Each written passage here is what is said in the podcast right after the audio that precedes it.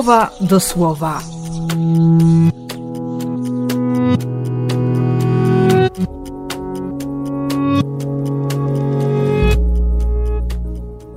Trzydziesty stycznia, poniedziałek.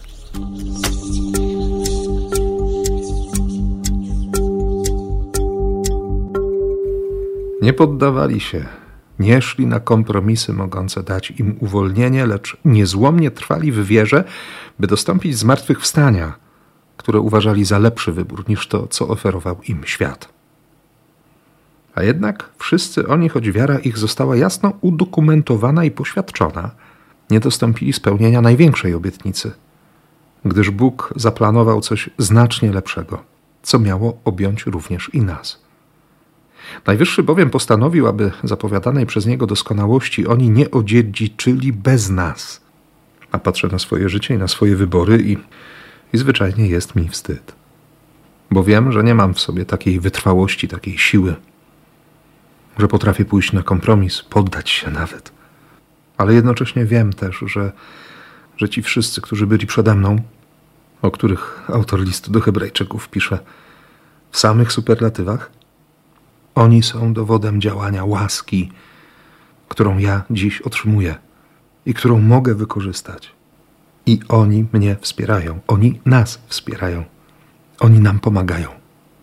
I cieszą się, podobnie jak aniołowie w niebie, każdym nawróconym grzesznikiem, każdą chwilą Twojego i mojego nawracania się, bo jesteśmy Kościołem. Więc Bogu dziękuję dziś za za wszystkie Twoje spowiedzi, za każdy Twój wybór łaski, za miłosierdzie, na które szeroko były otwarte Twoje oczy i Twoje serce.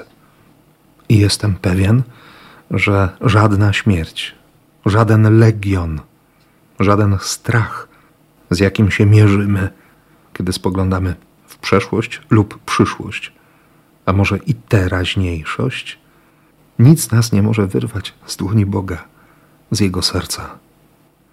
Bo diabeł będzie się przechwalał, że, że jest legionem, kilkutysięczną armią.